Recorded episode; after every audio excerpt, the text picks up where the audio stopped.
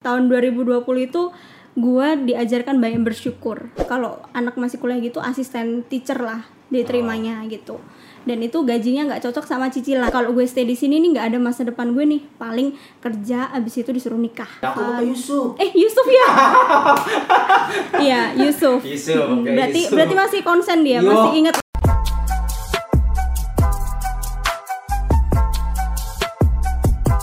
Ya, selamat datang kembali di podcast Suara Next Gen. Dan kami juga dari tim Suara Next Gen mengucapkan selamat Natal dan Tahun Baru buat teman-teman yang belum merayakannya. Oke, hari ini kita sudah undang satu anak muda. Anak mudi sih bilangnya. Kalau muda kan berarti cowok. Kalau ini mudi. Anak mudi eh, yang kalau teman-teman pasti udah tahu dan sudah sering lihat di gereja dan kita sambut saja atau kita langsung beri aplaus buat Esther Aryati Silaban. Eh, enggak ya? sejak kapan Sejak kapan? Esther? Aryati maksudnya. Iya. Oke, Esther, selamat datang. halo selamat Nggak, nggak telat kan kalau ngucapin selamat enggak lah Merry Christmas Iya, Merry Happy Christmas New dan Year Hmm. tahun baru. Oke. Gimana kabarnya, Ter? puji Tuhan baik Baik. Kalau baik itu maksudnya gimana? Semua berjalan lancar atau ya ada sesuatu sehat gitu? Karena kalau gua lihat di postingan-postingan orang ya, Mm-mm. kayaknya semua oh upload atau bikin caption di entah itu di Instagram, Twitter dan lain-lainnya kayaknya mereka melihat wah tahun 2020 itu adalah tahun yang suram gitu ya? Iya. Tuh? kalau kalau gue sih eh, justru apa ya tahun 2020 itu gue diajarkan banyak bersyukur. Banyak bersyukur. Iya. Eh, jadi gue gini eh, banyak hal buruk memang yang terjadi di 2020 Iya. cuman kok kayak menangis ya enggak? Enggak lah santai. Cuman gini eh gue diingetin satu hal kayak ceritanya Yakub. Pasti tau lah ya Nah. ceritanya Yakub. Gimana Yakub? Yakub Yakub yang yang di Alkitab kan bukan yang di Ralum bukan? Iyalah. Ya. Intinya Yakub yang dijual sama saudara-saudaranya terus difitnah sama Potifar istrinya Yakub Potifar. apa Yusuf? Eh Yusuf ya? Iya Yusuf. Yusuf, oke, berarti Yusuf. berarti masih konsen dia Yo. masih inget dia baca Alkitab dia. Saya lanjut. Oke, nah intinya gini, jadi banyak hal buruk nih yang Iya. terjadi di hidup Yusuf gitu Iya. ya. Tapi di ending ceritanya tuh dia nggak pernah menyalahkan eh, saudara-saudaranya kah, eh, istri Potifar yang memfitnah kah, Hmm. lalu apalagi juru minum yang melupakan Yang dia melupakan, kah. Nah ya. itu intinya eh, aku dapat satu hal sih di 2020 bahwa hal baik maupun buruk itu maunya Tuhan Hmm. gitu untuk mendatangkan kebaikan bagi banyak orang mungkin bukan buat gue doang tapi buat banyak orang Nah, eh ya gitulah intinya banyak sih kalau hal-hal sulit yang gue lalui 2020 banyak banyak. cuman entah kenapa eh, gue selalu menemukan cara untuk mensyukuri gitu Wow. cara untuk bersyukur gitu. Jadi banyak mengalami uh, rasa syukur di tahun 2020. Oke. Esther, uh, kalau boleh tanya sekarang usianya udah berapa? 26 26. Biasanya di usia 26 untuk seorang wanita tuh apa mereka biasanya mempersiapkan ke pelaminan. Mm-hmm. Belum ada arah ke sana. arah ke sana sudah Sudah. Cuman ya kaget lu. Bercanda. ya gitulah karena kondisi kan karena kondisi ya makanya ya nantilah gitu, Oh gitu. jadi udah- santai aja udah- santai udah aja mempersiapkan tapi. hmm mm-mm. Kenapa? Kenapa? Harus tegas dong. Kan Iya. itu kan itu kan bukan itu kan bersejarah. Maksudnya itu perlu di dibanggakan, perlu di di Iya dong.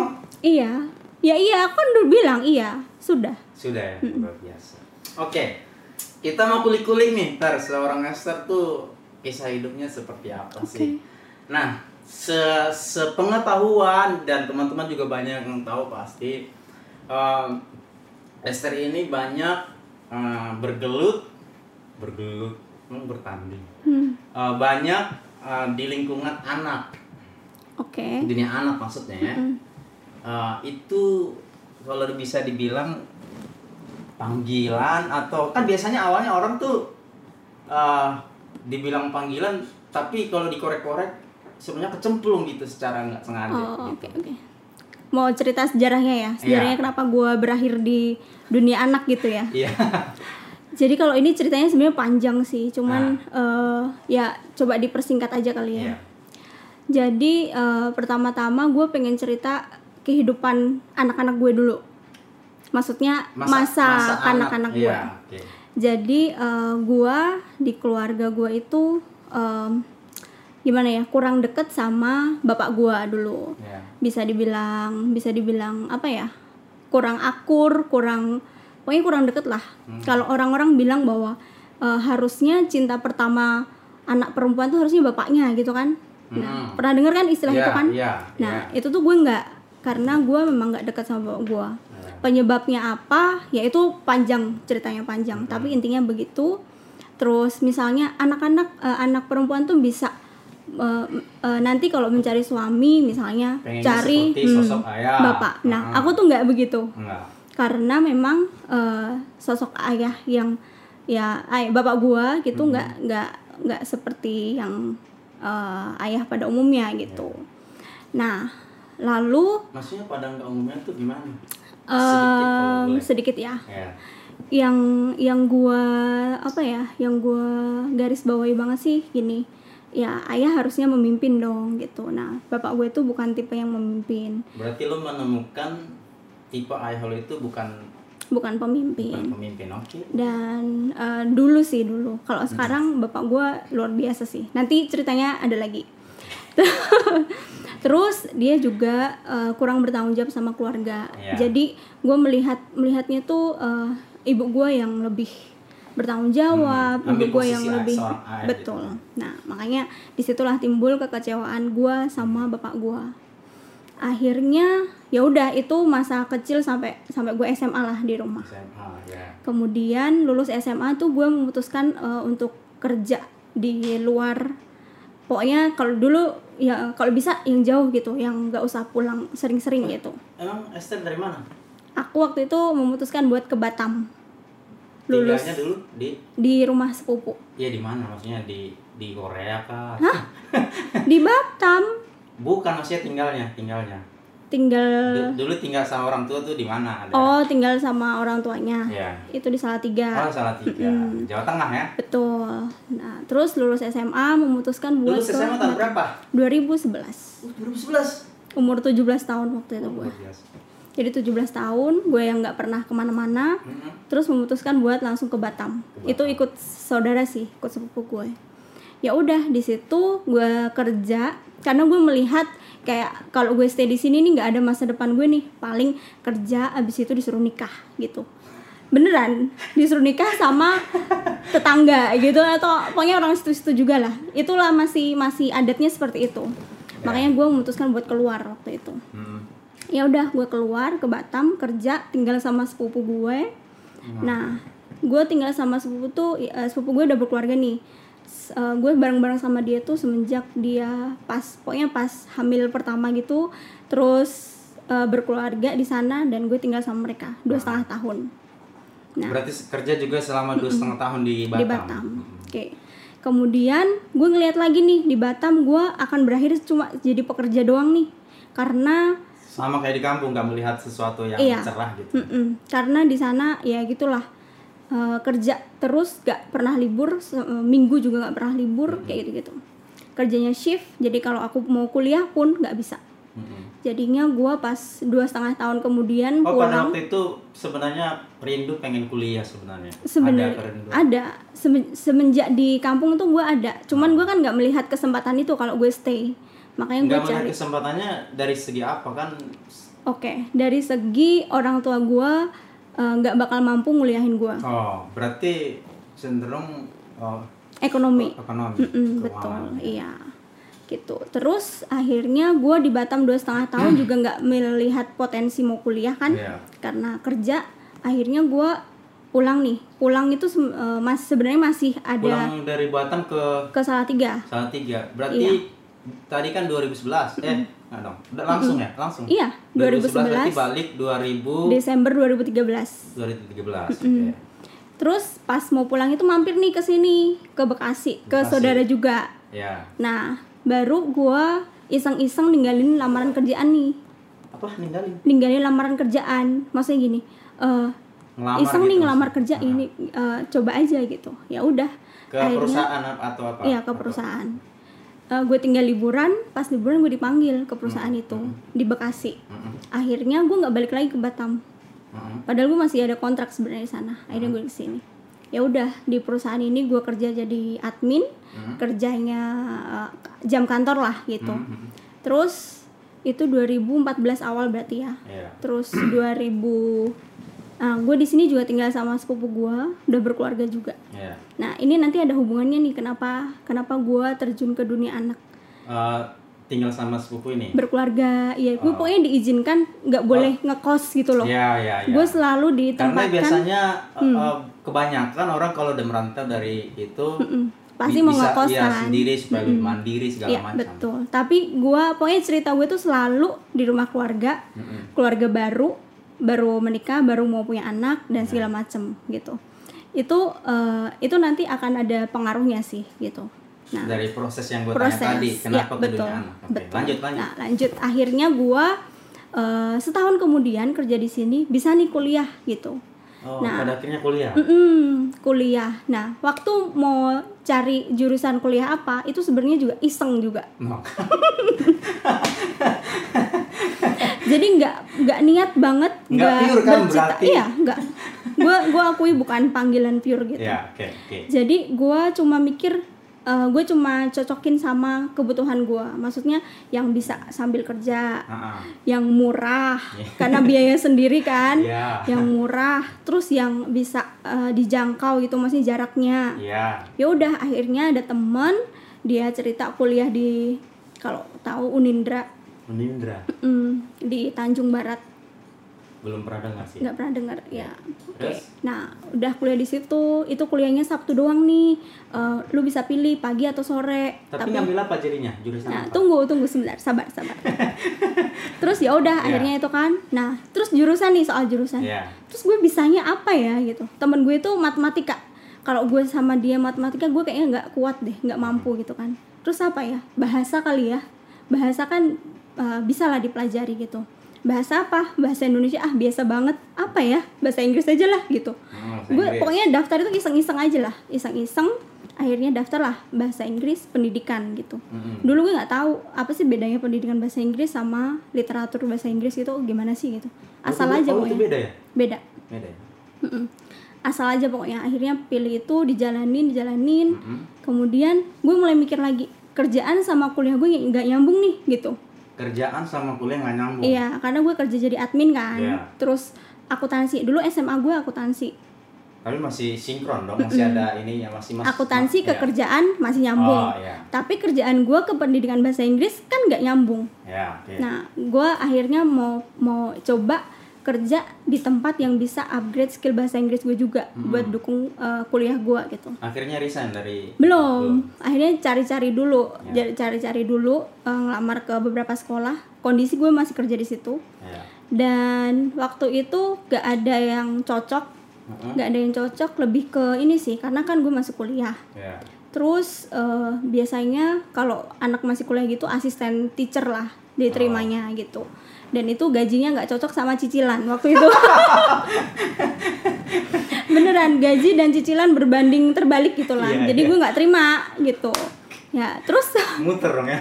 ya begitulah pokoknya gitu terus eh, akhirnya di semester kedua gue ditawarin sama Om Rudi Semester dulu berarti udah setahun jalan Hmm, kuliah. baru setahun jalan gue ditawarin sama Om Rudi buat kerja di sekolah yang akan dia bangun gitu. Mm-mm. nah gue dengar-dengar sekolahnya yang mau dia bangun itu sekolah internasional nih kurikulum internasional gue tertarik dong ini bisa jadi ajang buat belajar jadi ajang buat upgrade skill dan segala macam Tuh kan tadi. berarti buat ajang buat pembelajaran. Iya. Belum panggilan. aslinya itu aslinya Iya. kemudian eh, gue iyain dengan ekspektasi bahwa gue eh, terima jadi gitu loh sekolah udah jadi gue tinggal ngajar gitu Loh, ekspektasi kan- gue Tapi kan tahu kan maksudnya wah, perkembangan pelayanan di gereja kan tahu masa dulu gue belum terlalu aktif Oh, itu kan baru tahun pertama lah Ya. gitu jadi gue belum terlalu dalam buat eh, di gereja ini Ya, gitu oke. ya udah eh, setahu gue pengen eh, apa ya ekspektasi gue mereka dulu nih establish Hmm, udah gitu jadi, kan udah jadi gitu ya? heeh, baru aku lah ngajar gitu iya bantu gitu. Hmm, Enak bener ya. Nah, ya udah akhirnya gue iyain waktu itu Ya. gue iyain dan ternyata eh, itu mulai dari nol dan gue yang mulai jadi gue mulai dari training Berarti termasuk merintis lah ya. betul Merintis. jadi mereka tuh baru mau bikin aku pikir tuh tahun depannya nih kalau begitu nih kondisinya Hmm. ternyata tahun itu juga jadi Mei eh, gue resign dari kantor gue April Tawaran dari Om Rudi itu Maret kapan? Maret Resignnya Mei. resignnya April dong kan April. satu bulan one month notice kan Ya. biasa terus eh, April Mei aku udah mulai gabung di sini Hmm. udah mulai training ke Salatiga. Eh itu 2015 2016. 2016 2016, 16 ya. gue training ke Salatiga ke Tangerang ke Jogja untuk establish sekolah ini. Oh. nah kesan pertamanya aduh gila gue salah nyemplung nih gitu. Berarti bener. dong.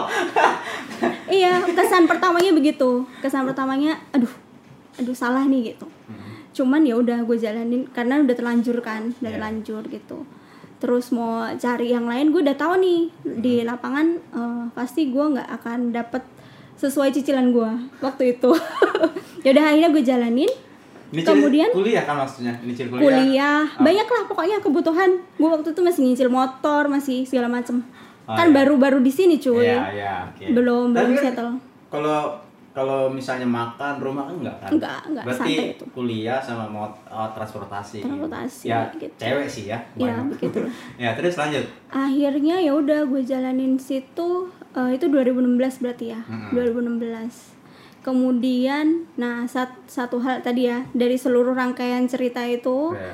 gue tuh nangkep satu hal gitu tuh mungkin di 2018an lah di 2018an kenapa gue berakhir di sini? Iya. Kenapa gue berakhir di sini? Jadi gini eh mulai dari apa ya pengalaman gue ngajar di anak-anak gitu. Kok anak ini misalnya nih karak kan kita mendalami karakter anak juga kalau mau Iya. ngajar kan. Kok anak ini kayak eh, apa ya suka ngomong bosi misalnya Iya, gitu. iya. kok anak ini eh, misalnya dia frustasi misalnya kalau nggak dapat nilai bagus gitu. Ya. Dan segala macam segala macam terus nah bedanya sekolah tempat gue kerja itu kan eh, ada hubungan baik dengan orang tua Mhm. bekerja sama buat eh, membangun karakter anak gitu visinya seperti itu jadi gue sedikit tahu pola pengajaran di rumah gitu Oh. Nah, jadi gue kalau gue sambung sambungin itu tuh jadi suatu rangkaian dari yang gitu di Batam sama yang di sini gitu. sama gue eh, masa kecil gue Ya. jadi gini, gue diizinkan punya pengalaman-pengalaman buruk itu untuk Tuhan tempatkan di sini sekarang. Misalnya nih, Ya. dulu, eh, jadi gue sadar nih, misalnya dulu gue kok minderan kenapa, gue insecure kenapa, gue kurang bergaul kenapa, itu karena keluarga, Oh. gitu, karena pola pendidikan keluarga yang gak gak begitu mendidik, gak nggak dipimpin Iya. dan segala macam, jadi Iya. membentuk pribadi gue yang kayak gitu. Terus gue diizinkan di Batam ngelihat pola pendidikan kan pendidikan anak pertama itu kan di keluarga kan ya. Ya, betul. Nah. Setuju kalau itu. Gue melihat nih pendidikan mereka gimana, gue melihat pendidikan saudara gue di sini gimana sendiri. ngalami. Akhirnya gue eh, menemukan cara untuk kayak apa ya, eh, kayak research pribadi misalnya anak-anak gue, murid-murid gue karakternya begini, terus dari cerita orang tuanya begini, gue bisa nyambungin dan Mhm. menemukan suatu solusi gitu. Contoh, misalnya ada anak eh, murid gua yang eh, dia gampang frustasi ketika dia nggak buk- eh, nggak nilainya nggak bagus misalnya. Ya. Itu ada dipicu oleh orang tua yang selalu berekspektasi tinggi dengan Iya, anak itu iya. gitu. Karena memang gini ter di Indonesia itu entah kenapa budaya memang budaya itu terbangun Hmm. seolah-olah keberhargaan anak pada kecil itu pada sekolahnya akademisnya. nilai-nilai 5 sampai 10 itu. Mm. Nah, gue gue tahu itu dari mana? Pas lihat pas rapotan nih orang tuanya. Hmm. Kok turun ya, Miss gitu. kok bulan lalu turun ya gitu kok semester lalu turun ya wah ini kamu harus belajar lagi nih kamu. Kamu harus les apa? Gini, gini pokoknya gitu. Oh berarti memang dituntut kayak gitu. Iya.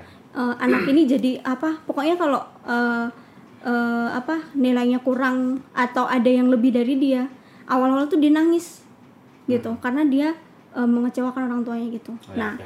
jadi terapinya gimana? Ya udah dikasih pengertian bahwa ya itu tadi kamu tuh eh, keberhargaanmu tuh bukan tergantung dari ini gitu. Nilai nilai Nilai ini tuh angka, ya. kurang penting gitu. Iya. yang penting tuh kamu sudah melakukan yang terbaik gini gini gini. Nah hal-hal itulah yang bikin gua apa ya eh, bikin gue amazing sama perjalanan hidup gua gitu. Gue nggak nyangka kayak garis hidup gue itu tuh eh, Tuhan izinkan. Pokoknya keluarga lah masalah keluarga lah gitu. Keluarga gua. Akhirnya datang ke lingkungan anak Mm-mm. By the way, akhirnya itu nama sekolahnya apa sih SDTK New Life Academy. SDTK New Life Academy. Oh, gitu. Yes.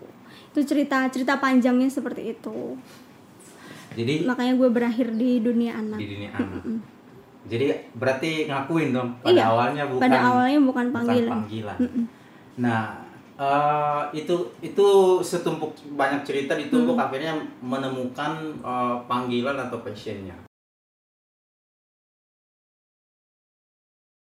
Bagi gua, panggilan atau tujuan nggak penting. tapi kalau bukan bukan petnya Tuhan bukan alurnya Tuhan dengan se- eh, segala se- macam cara itu Ya, pasti dengan digagalkan Nggak nggak sepenting itu tujuan atau panggilan kalau lu nggak bisa ngikutin jalurnya Tuhan. artinya sih mau kecemplung mau kebetulan dan segala macam itu tuh semua apalah bah- bahasanya gitu ya. iya itu semua tuh diizinkan Tuhan Heeh. maunya Tuhan